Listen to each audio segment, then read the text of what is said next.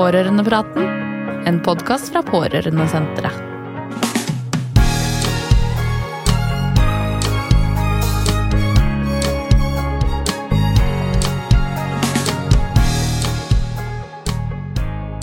Velkommen til podkastserien Pårørendeprat, en podkast fra Pårørendesenteret. Og i dag er tematikken spillavhengighet.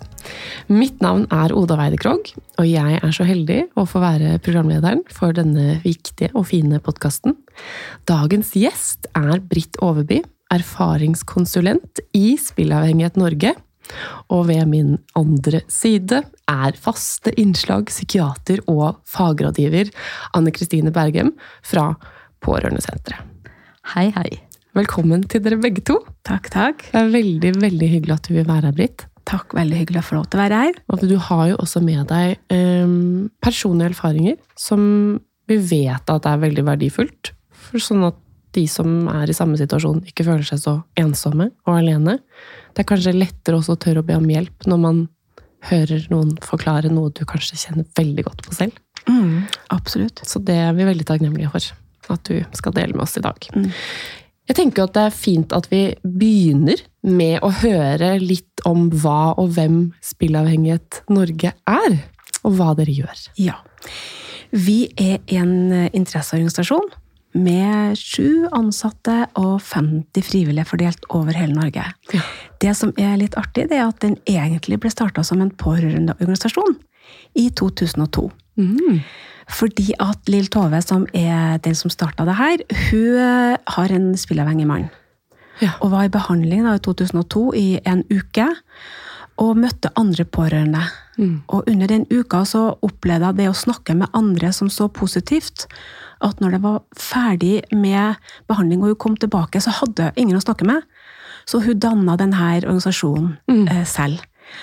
Og den var, det var først i 2011 at eh, det ble spillavhengighet offisielt. At den het Spillavhengighet Norge. Okay. Vi hadde hjulpet både pårørende og spilleavhengige hele tida, Mm. men eh, da først ble det Spillavhengighet Norge, da. Ja. Så det ble starta som en pårø- pårørendeorganisasjon. Mm. Og nå er du 20 år gamle. Vi er 20 år gamle. Det er ganske fantastisk. Ja, Tenk så mange dere har hjulpet. Veldig mange opp gjennom åra. Og Mm. det, vi får veldig mye gode tilbakemeldinger, så vi er veldig glad for det. Så fint. Em, ja, for dere startet jo opp. Hvem, altså disse, de som jobber der, da. Du sa at det er syv ansatte, og så er det frivillige. Hvem er, hvem er kollegaene dine? Ja, vi er altså erfaringskonsulenter alle, så vi har eh, vi er enten eh, spilt eller er pårørende. Mm. Så vi sitter jo her da med kompetansen i forhold til det. Og det å kunne hjelpe andre og ha, ha kjennskap til eh, hva det handler om, Mm. det syns vi er veldig godt, da. ja. Så, og vi hjelper jo også, vi har jo grupper over hele landet. Vi har fysiske og digitale grupper. Som, eh, hvor andre kan møte da, likepersonsarbeid, da. Mm. Vi driver med, Ja. stort sett. Mm. Anne Kristine, når du hører Altså, jeg syns ordet eh, erfaringsrådgiver Det er et veldig fint ord. Og så er det noe sånn betryggende med det også. Og du som da Ja. er fra Pårørendesenteret. Mm, ja. Ja, og jeg tenker jo at det er eh, veldig fint at folk som har egen erfaring, vil dele den med andre. Mm. Og, og det er eh, gjerne fint for begge parter. Fordi at mange som har stått i vonde og vanskelige situasjoner altså Jeg ville aldri sagt at det, liksom, at det er en mening med det, men altså, de som har den erfaringen, kan på et vis skape litt mening ut fra det vonde man har vært igjennom, ved å bruke de erfaringene i møte med andre. Sånn at det er jo meningsfullt arbeid. Og så er det helt uvurderlig for, eh, for folk som kanskje er litt sånn, mm, har litt sånn ferskere erfaringer, som ikke helt vet hva de skal gjøre, å snakke med noen som har liksom gått opp løypa. Mm. Så det er sånn vinn-vinn-situasjon.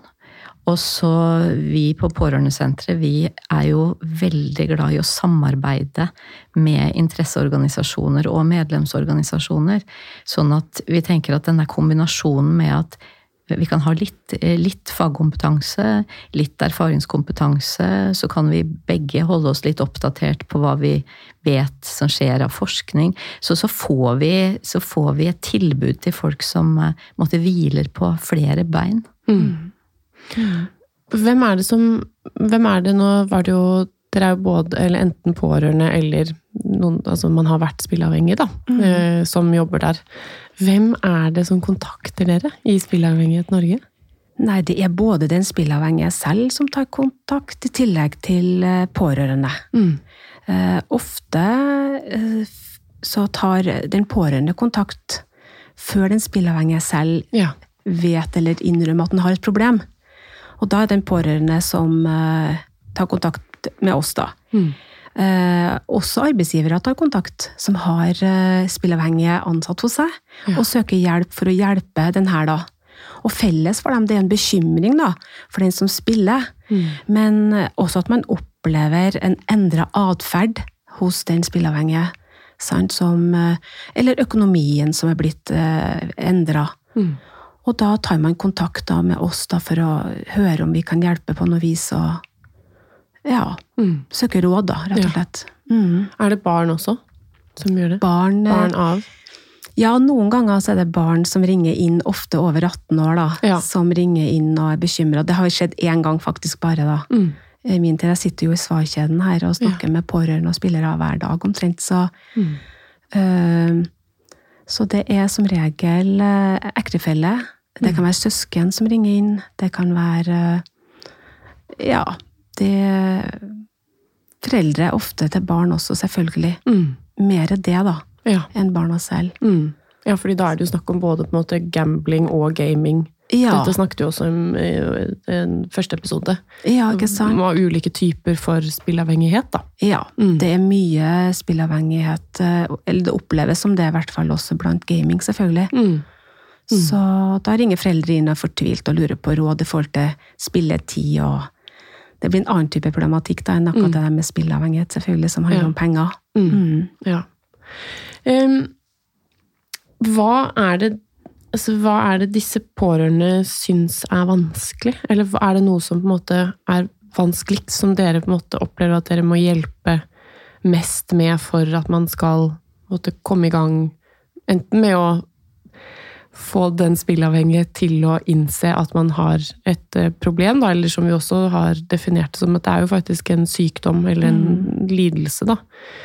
Um, er det, er det noe som på en måte er veldig sånn klassisk, som de veldig mange kjenner på? Du tenker på når porno ringer? Ja. Ja, øhm, de er jo, vil jo veldig gjerne være gode støttespillere da, og få dem her til å slutte å spille, og det er veldig vanskelig. Mm. Det er veldig vanskelig å hjelpe noen til å få behandling som ikke vil ha behandling, og ikke anser eller innser at de har et uh, spilleproblem. Så da, da, da råder vi dem til å passe på økonomien sin, eller å være nøye med å passe på seg selv, også oppi det hele. Mm.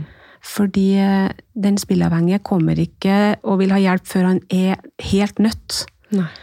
Og et godt råd vi gir da, det er å ikke gi penger til en spillavhengig. Ikke hjelp til å betale lån eller noe sånt, eh, verken for foreldre eller eh, andre pårørende, fordi det kan jo ofte bidra til økt spilling. Ja. Så da må man i hvert fall stille krav bak. Skal man først hjelpe, så må man stille krav Mm. Bak den hjelpa. Det er veldig viktig. Ja. Anne Kristine, vi eh, var jo Det er jo noe som på en måte også er så eh, Som er så alvorlig med spillavhengighet. Når man f.eks. også snakker om nettopp da tilbakefall, da. Eller det at man gjør hverandre bjørntjenester fordi du Man blir jo redd for den man er glad i. Hvis, man har, altså hvis en kjæreste eller et barn har spillavhengighet. Men så er det jo på en måte det der at man vil så gjerne bidra. Og så skal du eh, ta vare på deg selv midt i. Men så er det jo konsekvensene hvis det går skikkelig, skikkelig dårlig, som da kan være livslange, da. Gjeld, altså kreditorer, du får ikke ta opp nye lån. Det er jo så mye som kan henge ved deg for resten av livet. Ja, og det er jo kanskje litt annerledes enn en del andre si, tilstander. Eh, Det er jo det at, eh, at det får så store konsekvenser, og det vet jeg jo at du kan en del om, eh, Britt. Hva, altså, hva skjer med et menneske som kan du si, har, har blitt frisk, eller kom, har slutta å spille, men som da har rukket å pådra seg noen millioner i gjeld? Hvordan, hvordan, hvordan får man orden på livet sitt da? Ja, heldigvis så har vi i Norge noe som heter for gjeldsordning, da. Mm. I motsetning til Danmark, som ikke har noen hjelp, f.eks. Hvis du kommer ut der, så blir du hengende med den gjelda livet ut. Så vil du her, hvis du er ansett for varig ikke i stand til å betale gjelda di, så vil du kunne få hjelp av Nav, Mm. av en gjeldsrådgiver, og få gjeldsordning. Det vil si at du sitter i fem år og betaler en viss sum som du må ut Du får sitte igjen med en viss sum, da, og og så har du da fem år på deg. Men det er klart at i de, de årene her, da, så vil du jo være mye mindre eh, å rutte med. Mm. eh, fordi du er en gjeldsordning. Og, og det er vanskelig å være den familien som da har eh, gjeldsordning og har barn. Og kanskje må si nei til mange aktiviteter og ting som andre får lov til å være med på. Mm.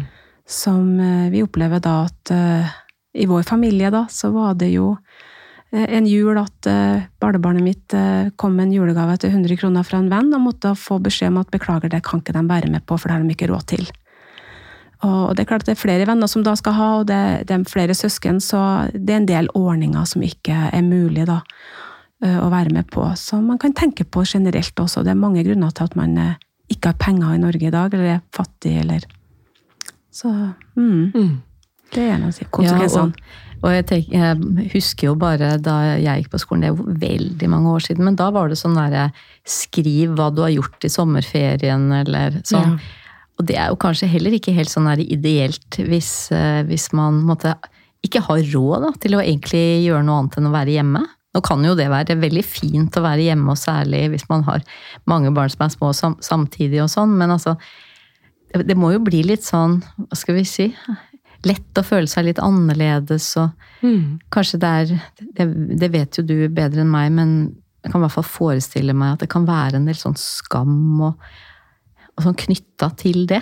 Mm. Og ikke ha penger av spillavhengighet. Ja. Ja, det er ikke noe tvil om at det er forbundet med skam generelt, det å ha spillavhengighet spilleavhengighet, eller å ha, være pårørende til en spilleavhengig. Det er ikke så mange som forstår hva det handler om, og det er sånn holdning til at det er da bare å slutte, eller eh, du kan da bare skille deg, eller eh, ikke være sammen med partneren din lenger. Mm. Fordi det er ikke så mange som forstår det her, så det er skam forbundet med det, det er ikke noe tvil om det. Og det med ferie, det var jo veldig mye snakk om det i sommer generelt. leste jeg veldig ofte at det var mange som ikke hadde råd til å dra på ferie. Og heldigvis, eh, i vår familie, da dattera mi syns ikke ferie er ensbetydende med Syden eller Dyreparken i Kristiansand. Men eh, allikevel, da, så er det mange ting du ikke kan være med på, ja, som er, er mindre enn det. Som begrenser seg av at du har liksom varig nedsatt økonomi over en periode. Mm. Mm. Ja, og jeg tenker at det, det er jo si, flere, flere grupper, familier, enn de med spilleavhengighet i familien, Mm. som, som rammes av det. Så jeg tenker det er jo antagelig ganske mange i samfunnet. Hvis du har én partner i fengsel, så får du jo heller ikke noe ytelser. Sant? Eller hvis, eh, hvis det er mens man er syk over lang tid, så får man jo mindre å rutte med. Hvis det er rusmiddelavhengighet, hvis det er spillavhengighet, eller hvis man har altså dårlig økonomi av andre grunner. Da. Absolutt. Absolutt. Mm. Så det er jo et tema vi må, vi må snakke mer om. Mm. Mm. Ja, og så er det jo det særlig tenker med når man er barn òg, så er det jo Det tar jo plutselig noen år før det der å bare være hjemme er på en måte ansett som på en måte kult eller ferie nok. For det er jo sånn man sammenligner seg jo så innmari, i hvert fall da når du hører våre døtre. Vi er på hytta, og vi har jo en hytte, som jeg pleier å si, tenk så heldige vi er. Men hvorfor flyr ikke vi? Hvorfor drar ikke vi på, på hotell, spise på buffé? Alt sånn som hun hører at venninnene på skolen gjør, da.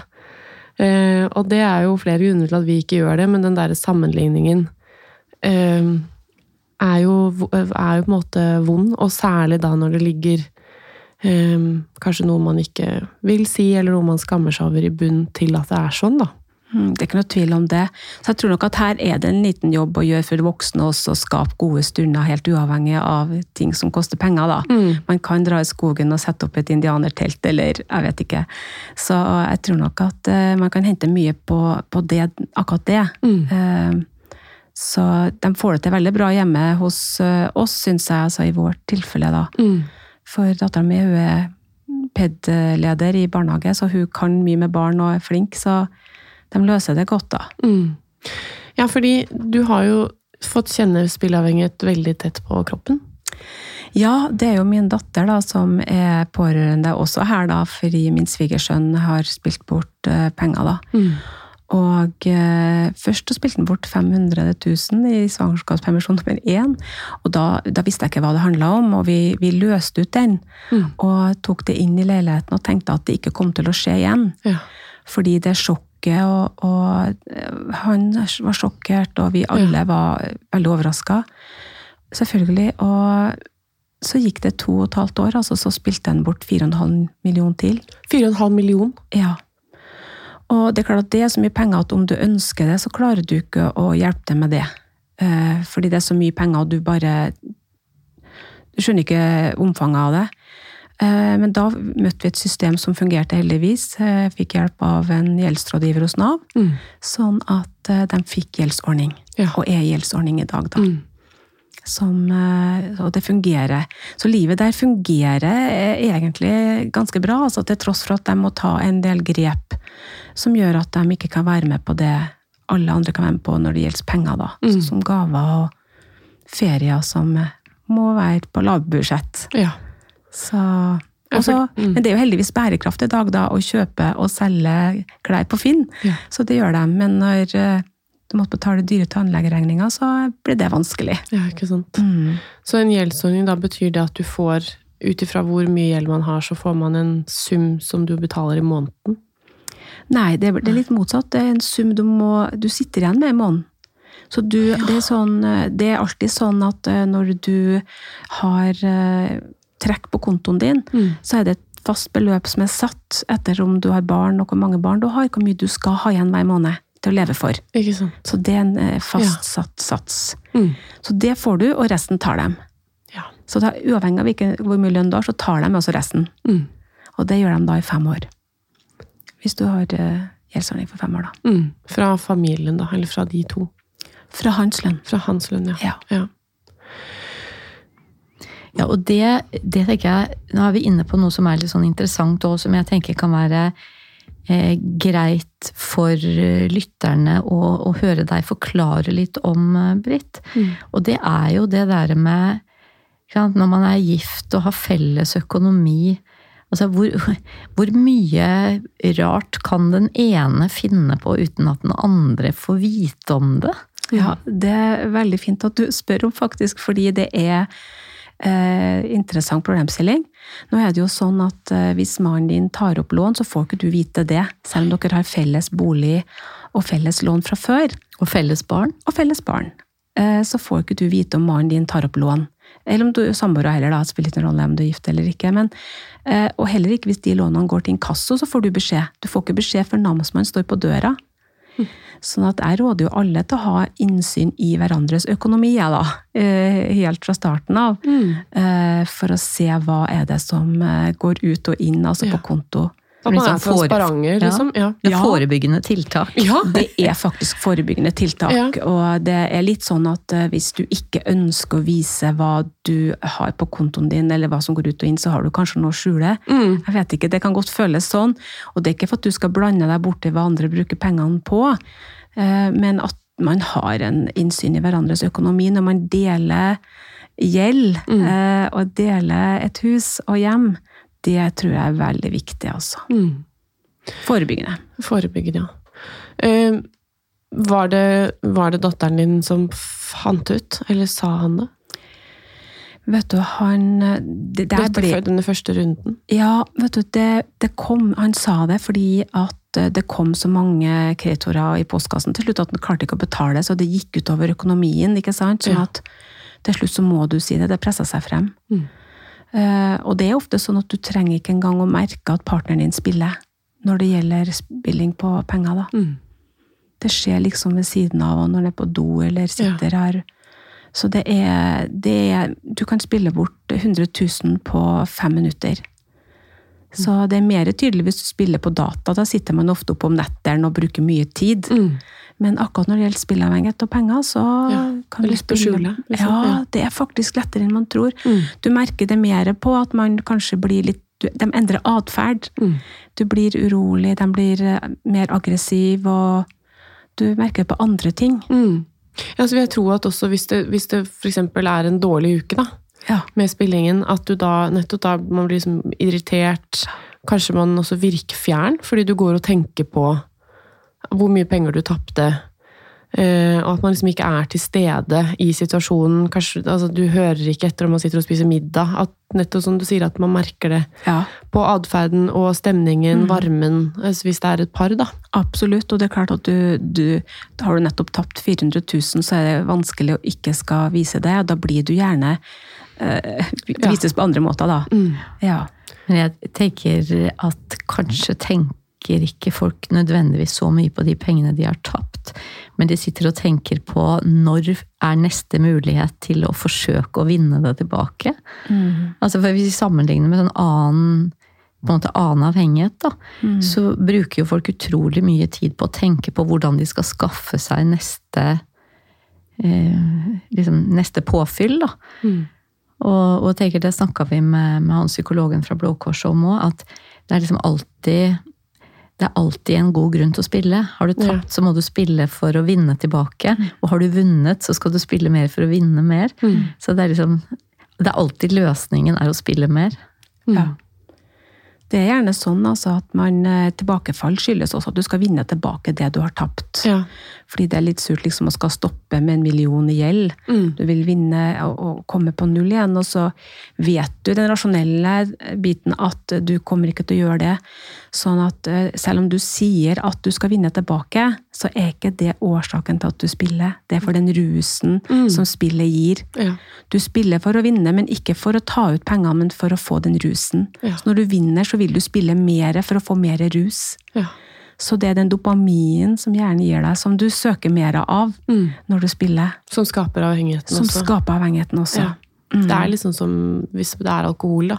Ja. Så er det jo det er den samme 'jeg må ha mer'. Altså Ja. Du kan på en måte ikke nulle ut. akkurat samme. Um, hvordan Nå har hun De er jo fortsatt sammen. Ja, absolutt. Jeg har fått barn nummer tre, Ja.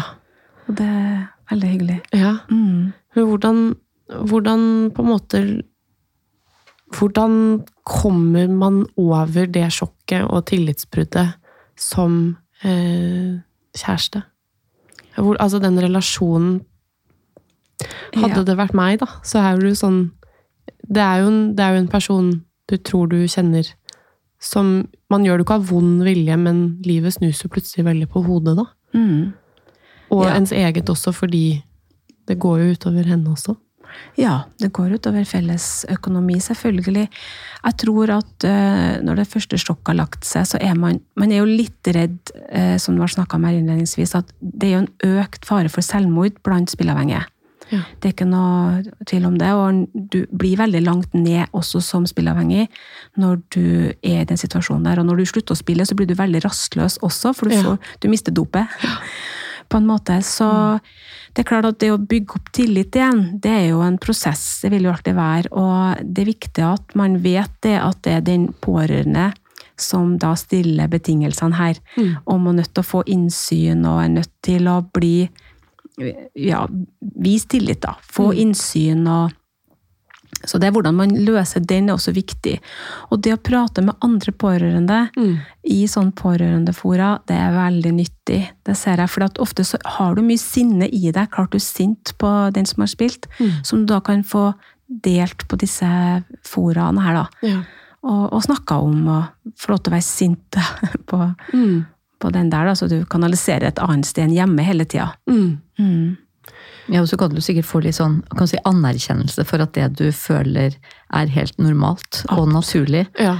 Og så bare det å få litt sånn bekreftelse. Og som du sier, hvis man skal satse på en felles framtid, så kan man jo heller ikke gå og kjefte og være sint og sur i eh, veldig, veldig lang tid. For det er det jo ingen som orker. Nei, det er ikke det. Den som eh, på en orker heller ikke det. Du har ikke lyst til å være sint og sur hele tida, så du vil jo gjerne komme tilbake eh, og ha en, eh, en god dag. Og det er klart at når du, når du kjenner og vet at den som har vært spilleavhengig, slutter å spille, så er det enklere. Men når du får tilbakefall, og du opplever det, så er det veldig vanskelig. Du, du får en knekk for hver gang. Og hvis en spilleavhengig i tillegg ikke sier at den har noe problem og, og, og vil vinne tilbake, og sånn, så er det enda vanskeligere. Så, men vi opplever da, erfaring til oss i organisasjonen, det at når den spilleavhengige ønsker å slutte, søker behandling, eh, så er det veldig stor sjanse for at de får det til. da. Ja. 80% av dem som søker behandling, blir spilleavhengig. Nei, blir spillefri. Spillefri, ja. Faktisk viser forskning. Mm. Og det er jo egentlig veldig gode resultater. Ja. Ja, det er oppløftende å høre. De er fra Danmark, da, men dog. Vi Ja. overfører dem hit. Ja. vi har jo, det er jo mye som er likt, i hvert Ja. fall her i Norden. Mm. Ja, og det tenker jeg det er jo egentlig bedre resultater enn ved, ved, ved mye behandling. 80% Men, men da er det jo det du sier, da, er at det er når man ønsker det. Ja. Så det kan jo høres ut som måtte, bøygen her er å gå fra å ha den spilleavhengigheten til å faktisk ville slutte. Ja, det er klart at det er mye gjort, da. Du innrømmer det, og du kommer så langt at du søker behandling, så har du allerede gått en lang vei. Mm. Så det handler mye om det, Ja. selvfølgelig. Mm. Var det lett i deres situasjon, eller i din familie, da? Ja, etter gang nummer to så Ja. var det rett på behandling, og Blå Kors Trondheim, og de er veldig flinke. Mm. Er Veldig fornøyd med Blå Kors generelt, da. Vi eh, har gode erfaringer med det. Når de lagt ned dessverre i Trondheim, nå er det St. Olav som har tatt over, men Mm. det virker som det er bra, det også. Ja. Sånn at han har fått behandling, og nei, det ser ut som det går bra, da. Ja. Vi kan bare Men i min tilfelle igjen, så vet jeg at det kan skje allikevel. Mm. Eh, Selv eh, om du har vært i, i gjeldsordning, så kan du også spille igjen. Ja. Så vi må bare satse på at det går bra. Mm. Men du, det har jeg lyst til å spørre deg også om, for det tenker jeg er sånn som alle lurer på, helt sikkert. Og det er jo det der med For vi, vi snakka jo litt sammen på telefon da vi forberedte denne episoden.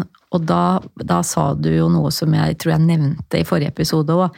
At det der å, ha en, å gå med en smarttelefon i lomma, det er som å gå med en åpen ølflaske hvis du er avhengig av alkohol. Altså, så, og, og også det der at spillselskapene på en måte ikke gir seg. Altså, hvordan, hvordan kan man liksom unngå å få alle disse mailene og alle disse varslene og den der reklamen inne på telefonen sin eller PC-en sin? Går det an? Ja, det er et godt spørsmål. Og vi jobber jo hele tida med det også. Og vi har jo fått bort en del markedsføring allerede. Nå er vi jo på vei med det. Dere har sikkert merka det på TV at det er ikke så mye markedsføring lenger. Nå driver de med å sende markedsføring eh, privat, eh, den personlige markedsføringa, til dem som har vært spilleavhengige før, og det er veldig trist. Ja. Selvfølgelig, for det kan føre til tilbakefall. Nå jobbes det med det hele tida, men det som er viktig, tenker jeg, da, som man kan tenke, det er å skru igjen krana, sånn at det ikke går an å låne penger å spille for. For det er ikke lov til å spille for lånte penger i Norge. Allikevel så skjer det hele tida. Det er få grep som blir gjort for å unngå det. Og jeg tenker at hvis vi har hatt noe så enkelt som karensdager på lån, la oss si det går fem dager fra du søker et forbrukslån til du får det, Ja. så har du på en måte fått roa situasjonen litt. Samtidig som at eh, når du har en partner eller er gift, at den partneren får beskjed når du tar opp lån. Den, den ektefellen tar opp et lån eh, på en halv million ved siden av, så, så har det ingenting å si om man sender en liten beskjed til, eh, til partneren om det. Nei. Det tror jeg er mye vært gjort der også, at det er preventivt for den som tar opp lånet. Mm. Så man kan gjøre grep, altså. Ja, og det kan man altså hvis man på en måte sammen går til banken og Ja. sier at jeg har spilleavhengighet, eh, og hvis jeg ramler utpå og kommer og ber om lån, så vil jeg at dere sier fra til kona mi. Ja. Kan, man, kan man gjøre sånne ordninger? Det, det vet jeg faktisk ikke, men det, Det vil jeg tro. Det var jo veldig lurt, da! Ja, det var Ja. veldig lurt. Det syns jeg var veldig lurt, faktisk. Og kanskje man også skulle ha gjort en sånn ordning, fordi man vet jo ikke når man er ung og, og etablerer seg sammen om hvordan framtida vil bli, at man lager en sånn der avtale helt tidlig. Hvis mannen min tar opp lån ved siden av her, mm. kan ikke jeg få beskjed? Altså vi gjensidige, eller kona mi for den saks skyld, det trenger ikke å være mannen som spiller. At man gir en sånn gjensidig avtale om å få beskjed. Mm. Eh, Bare noe sånt, fordi man vet aldri, altså. I, I 2019 så var det 55 000 spillavhengige i Norge. Åh, det er mange. Ja, 122 000 lå i faresonen for å bli spillavhengig. Og hver især av dem har seks pårørende, så det er ganske mange berørte. Mm. Og det er også ganske mange som er spillavhengige, sånn at man vet ikke hvem man kommer sammen med. Eh, Så man kan ta og, og gjøre noe sånn grep, altså, eller ta noen forhåndsregler. Mm. Men du nevnte også for meg eh, at det er noe som heter sånn bettingfilter. Ja. Hva, hva er det for noe? Gamband bettingfilter det er sånn filter du kan legge på dine enheter, datamaskin og telefon, som gjør at du ikke kan spille mer. Eh, Det er sånn fem år, det er fra ett til fem år. Vi deler ut for fem år som regel. Mm. Og da blir det altså fysisk umulig å spille på noe som helst pengespill. Og det, og det kan de få hvis de henvender seg til dere? Ja, og Norsk Tipping også. Vi får dem fra Norsk Tipping. Ja. Så vi deler ut dem gratis. gratis. Det er jo, det er jo som, som prevensjon, det. Ja, det er, ja, men det er jo det. Rett og slett. Altså, ja, på en måte så er det det. Ja. Antabus. Ja. Ja, Ja. det er jo Ja. Men samtidig så merker vi også at det ikke er nok, da. Du, Nei. øh, du blir allikevel rastløs og urolig, sånn at du finner måter å spille på hvis du bare gjør det. ja. Du kan skifte, skifter du kanskje mailadresse eller et eller annet, sånn at du får tilgangen. Mm. Men, så vi anbefaler ikke det alene. Vi anbefaler at du søker behandling, Mm. eller at du går i en gruppe, eller noe sånt, så du får samtaler ved siden av det her filteret. ja. Men det kan være som en mer sånn støtteverktøy, da. Absolutt. For å gjøre fristelsen litt mindre Absolutt. i hverdagen. Og litt mer klønete, liksom. Sånn at ja, Ja, det- alt som på en måte blir, gjør det vanskeligere, og at du også må ta en runde med deg selv. Før du skifter den mailadressen, eller går og kjøper eh, ny mobiltelefon som du skal ha i skjul, som du bare skal spille på. At du, altså at du, du lager sånne små Et hinder til, eh, ja. hinder for deg selv, sånn at hvis man allerede kanskje har vært i én behandlingsrunde, så, så er det forhåpentligvis et eller annet som Det er noe som, det som går en alarm som ringer. Eh, eller at man da sier fra til partneren sin eller foreldrene sine at eh, nå, nå tror jeg jeg må ha en ny runde med behandling, eller jeg må snakke, for at nå, nå klør det altså så i fingeren. Altså jeg føler meg helt desperat, på en Mm. måte, da. Absolutt. Mm. Absolutt. Det er veldig fint for det. Ja. å bruke den. Mm. Hvem eh, vi hadde, Du nevnte liksom noen tall, men det er jo interessant å høre litt mer om måte, statistikken. Eh, hvem er eh, spilleavhengige? Altså, prosenter, er det kvinner, er det menn? Hvor, og hvem er pårørende? Om det er Ja, nei, vi, vi ser da at uh, av dem som ringer inn til oss, i hvert fall, vi kan jo ikke si noe annet enn det, for vi registrerer alle henvendelser på et sånt skjema, bare for å lage en slags statistikk. da. Mm. Og av dem som ringer inn til oss, så er ca. 80% av dem som uh, spiller, det er menn. Mm. Og ca. 80% av dem som uh, ringer inn av pårørende, det er kvinner. Ja. Og det er jo litt sånn kjent kanskje at i samfunnet for øvrig så er pårørende ofte kvinner, kanskje. Mm. Og så, eh, så ja, det er Skal vi se, jeg tror jeg hadde noe annet tall også. Ja, ja, men det, er, det, er, det sier litt Det er litt interessant å, å vite omfanget. Mm. Mm. Og dem som ringer inn til oss, da, så er ca. 35-40% av dem som ringer inn til oss, er pårørende. Ja. Mm. Mm. Så det er blitt flere spillavhengige nå Som tar kontakt. som tar kontakt. Det er også veldig bra, da. Ja, det er veldig bra. Mm. For da har de kommet dit at de innrømmer at de har et spillproblem. Mm. Og det syns vi er veldig positivt, da. Ja, og det sier jo også noe om samfunnsholdningene og at, altså, hvordan man ser på avhengighet. Ikke som altså, Nettopp som vi også snakket med psykolog Oddvar om, at eh, det er jo eh, det er jo mye stigma rundt det, men, men vi må jo også begynne å forstå at eh, spilleavhengighet er jo en sykdom, eller altså en lidelse som man nettopp trenger behandling for, som f.eks. depresjon. da. Absolutt. Det er en lidelse i diagnosesystemet vårt, i Ikke? ICD-11. Og det tror jeg veldig Ja. mange ikke vet. Mm. Ja, og du nevnte det vel også i stad, det er holdningen man møtes med, at det er jo bare å slutte og, Mm. og ta deg sammen og skjerpe deg og sånn. Og det Ja, hadde man kunnet det, så hadde man jo gjort det. Så det er jo, det er jo fordi at det ikke er bare å, å bestemme seg Ja. når det er blitt en avhengighet. Det er klart at det er ingen som egentlig vil spille bort flere millioner kroner. Det er Nei. ikke noe du kjenner på at det skal jeg gjøre i dag, liksom. Så jeg tror nok at det der eh, er en avhengighet som sitter veldig hardt, altså. Mm. Som eh, man trenger hjelp til, rett og slett. Ja, og som det kanskje er enda mindre kunnskap om enn en rusmiddelavhengighet. Ja. For det er jo litt, kanskje litt sånn lettere å, å forstå, i og med at ikke sant? Det er veldig mange som røyker eller drikker litt alkohol, eller sånn, sånn at det er kanskje liksom lettere å relatere seg til det. Mm. Mens uh, spilleavhengighet oppleves nok liksom fremmed for mange. Mm. Eh, så da, det er Ja. derfor vi må, vi må snakke mer om det. Ja, Mm. Det er vanskelig å forstå. Jeg syns også det var vanskelig å forstå. Ja. Og ennå syns jeg det egentlig er vanskelig å forstå, selv om jeg vet at det er sånn. Mm. Og, og ser at uh, den kraften som ligger bak, altså etter at de har spilt seg til milliongjeld, og så vet de kanskje egentlig at du, du, du kan ikke vinne igjen, så spiller de likevel. Ja. For det handler om den rusen som de ønsker seg. Mm. Så jeg, jeg, jeg har sett kraften bak, og så det Nei, det er ikke så lett å forstå, det kan jeg forstå. For å si det sånn. Det er en god oppsummering. Men um, hvis vi tenker en, litt mer på det dere gjør da, i arbeidet deres Vi, har, vi snakket jo litt om det, Anne Kristine og jeg, før, før også. Det var jo det der å skape det fellesskapet som, som er så verdifullt for pårørende og spilleavhengige. Da.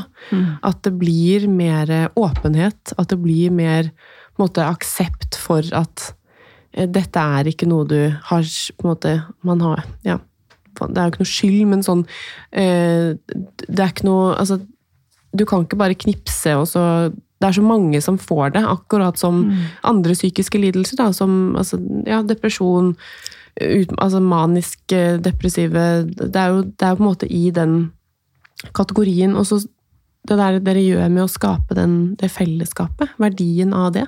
Mm. Merker du liksom det også med at, at det også på en måte er med å hjelpe både pårørende og, Mm. og de som er lenger. Ja, det er ikke noe tvil om at de pårørendegruppene vi for eksempel har, er veldig viktige å hjelpe.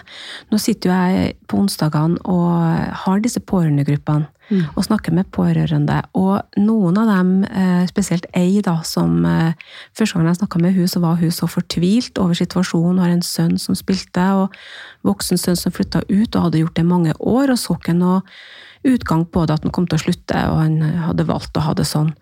Og hun var så fortvilt og langt nede, og orka egentlig ikke noe mer. Det var det hun sa. Mm. Og så begynte hun i disse gruppene, og etter å ha gått der en stund og fått snakka om det og snakka om det, og liksom fått en annen vinkling på det, så sa at vet du, jeg jeg er i samme situasjon, men jeg føler det annerledes. Jeg har det annerledes, jeg takler det annerledes. Fordi at eh, han har på en måte valgt det her, og, og du må tenke at det her er hans valg, selv om det er et dårlig valg. Så må du noen ganger også bare akseptere at det er noe du ikke kan gjøre noe med. Mm. Sånn at hun lever bedre med det, bare ved å kunne gå og snakke om det. Så det å møte andre pårørende altså i grupper sånn, det, det opplever de som veldig verdifullt. Mm. Det er ikke noe tvil om det. Dette fellesskapet som det der gir, er viktig. Ja. Ja, og, og det får jeg liksom lyst til å bare understreke at eh, det er jo vår erfaring fra pårørendesenteret òg. At det er jo ikke sånn at alle blir friske av sykdommene sine. Uansett hva slags sykdom det er. Men, men fellesskapet og det å dele, det å ikke være ensom med bekymringer og fantasier og tanker og følelser, altså at det i seg selv eh, er verdifullt. Mm. Absolutt. Absolutt. Sånn føles det. Mm. Det jo ikke å være alene. Mm. Å snakke med andre som forstår, som har på de samme skoa, Ja. så er det veldig viktig og nyttig, altså. Mm. Det er ikke noe tvil om det. Nei. Og, og det tenker jeg, det er jo liksom fint å kunne si til alle som lytter, fordi at sannsynligvis er det noen der ute som eh, kanskje har en partner eller et barn eller noe som spiller, og som ikke innrømmer det. Altså, man kan allikevel ta kontakt. Ja. Både med, med dere i Spilleavhengighet Norge og med oss på Pårørendesenteret. Det er ikke sånn at den som har avhengigheten, må innrømme det før pårørende kan få hjelp og støtte. Nei, får absolutt du det liksom er pårørende?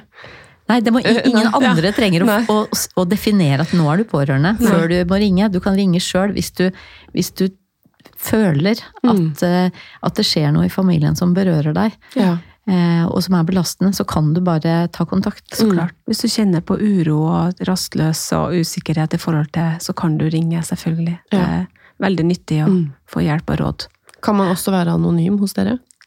Ja, det kan du så lenge du ringer, så kan du være anonym, men i gruppe så kan du ikke være det. Nei. Da må du vise ansikt og Mm. mm. Men sånn, hvis det på en måte i starten er så skamfullt og vondt og på en måte skummelt å ta det steget, og må også eh, akseptere seg selv som pårørende, da. For da, det er jo et steg man tar i sin egen livssituasjon. Mm. Fra å kanskje tenke 'det går over, det er ikke så alvorlig', eh, men så, så, så tar du det store steget det både er for den spillavhengige, og innrømme at jeg sliter, men også sånn 'jeg har en i nær, person, nær omkrets som sliter'. At det da kan være godt å ringe første gang og ikke på en måte måtte eh, vise hvem man er. Og så blir man jo, vil jeg tro, veldig varmt ivaretatt og godt mottatt, og at det da kanskje føles veldig trygt å komme til dere, da. Absolutt. Og Mm. du må ikke Du kan godt være anonym når du ringer inn til oss. Mm. Flere ganger også det, Ja. når du i, i telefonsamtalen. Men eh, hvis du skal gå i gruppe, da, da må du vise ansikt eh, av hensyn til de andre Mm. Som går der, og også dele sine personlige historier. Så vil du vite hvem du deler dem med. Absolutt. Ja. Så, men i telefonen så går det bra. Da kan Ja. du få god hjelp og råd uten å si hvem du er. Mm. Det høres jo ut som det kan være en litt sånn terapeutisk prosess, Ja. bare det.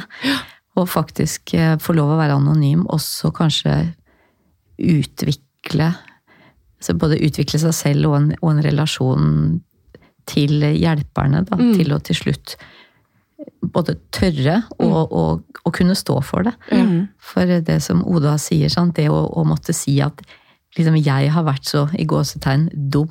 Ja. At jeg har eh, gifta meg med en mann som er spilleavhengig. Mm. Hvem er jeg? Hvorfor gjorde jeg det? Altså Mm. De der selvbebreidelsene. Og så det å få hjelp til å komme gjennom det og tenke at nei, vet du, det kunne jeg faktisk ikke vite. Mm. Og det er ikke min feil. Og, og dette er en lidelse. Det er ikke noe å skamme seg over. Klart jeg kan være med i en gruppe og Mm. si hvem jeg er. Ja. Mm. Altså at det er en sånn reise. Mm. Du kan også velge å stå ved den spillavhengige sin side, så lenge du ønsker å kjenne at du klarer det. Ja. det er liksom, du kan ikke føle at du er dum for det heller. For det, det får man også høre av og til, at uh, man, uh, man kan da bare gå. Eller Mm. 'hvorfor er du der ennå?' Og, eh, Det er jo ikke så enkelt. Nei, det er ikke så enkelt. Nei. Det gjelder det meste da, selvfølgelig. Mm. Mm. Hvordan går det med de pårørende, da? Som dere har hos dere? Jo, det, det er litt forskjellig, selvfølgelig. Det er ikke noe ett svar på det. det. Vi har jo kontakt over tid, og noen eh, kommer seg godt gjennom det, og noen skiller seg, de klarer ikke likevel. Han klarer kanskje ikke å slutte å spille. Mm. Og det, ja, det er forskjellige utfall, altså. Men felles tror jeg er at det at de kan få snakke om det, Ja. også under prosessen, hvis de må skille seg. Vi er jo med på prosessen til, til hverandre, på en Mm. måte. Og eh, nei, nå klarer jeg ikke mer. Jo, nå går jeg en runde til. Nå søker vi familierådgivning. Det er også et godt råd, da. Mm. Og så videre. Og så eh, er det forskjellige utfall også her. Ja. Noen ganger går det bra, noen ganger går det ikke bra. Mm. Så alt ettersom hvor man ser bra, hva, hva som er bra. Ja. ja. ja da. Bra og bra. Ja. Det kan være mye forskjellig. Ja. Mm. Nei, og det tenker jeg må jo være noe av budskapet ditt. Det er at eh, man møter ikke fordømmelse uansett hvilke valg man gjør. Mm. Eh, forhåpentligvis så er det jo noen andre der som kan stille spørsmål.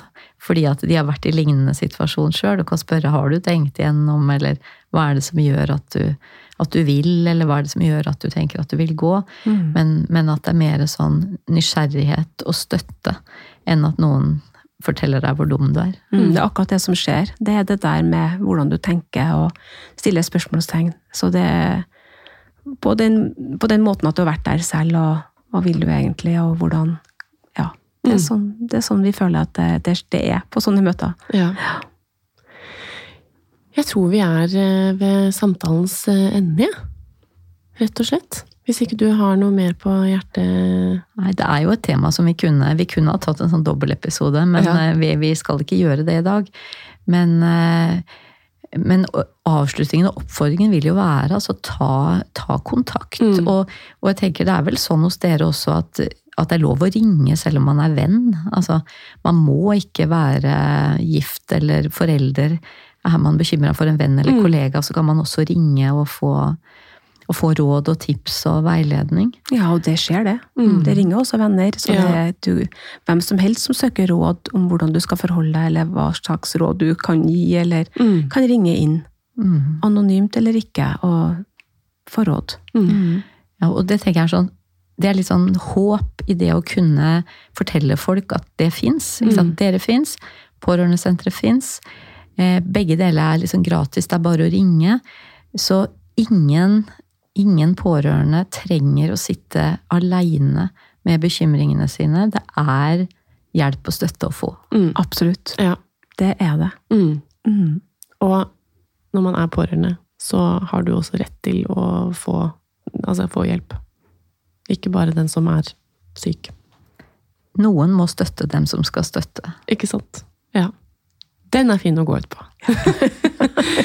tusen, tusen takk, Britt, for at du har delt så raust fra eget liv og så mye verdifulle erfaringer fra Spilleavhengighet Norge. Det har vært veldig um, lærerikt og interessant å høre på. Bare hyggelig. Veldig hyggelig å få lov til å være her i dag. Som takk. dere. Ja. Takk for at du kom. Og takk for deg, Anne Kristine. Og i like måte. med flotte innspill og erfaringer, og ikke minst håp. Det er du flink til å gi. Så uh, håper jo vi alle tre at uh, dere tar vare på dere selv og hverandre der man er i livet. Uh, og så fins det jo da mer informasjon på Spilleavhengighet Norge og Pårørendesenteret om hvordan og hvor du kan søke hjelp. På gjenhør. Du har hørt Pårørendepraten, en podkast fra Pårørendesenteret. Du finner flere episoder og ressurser på hjemmesidene våre pårørendesenteret.no, pårørendeprogrammet.no og ungepårørende.no. Podkasten finner du også på de fleste steder der du lytter til podkaster.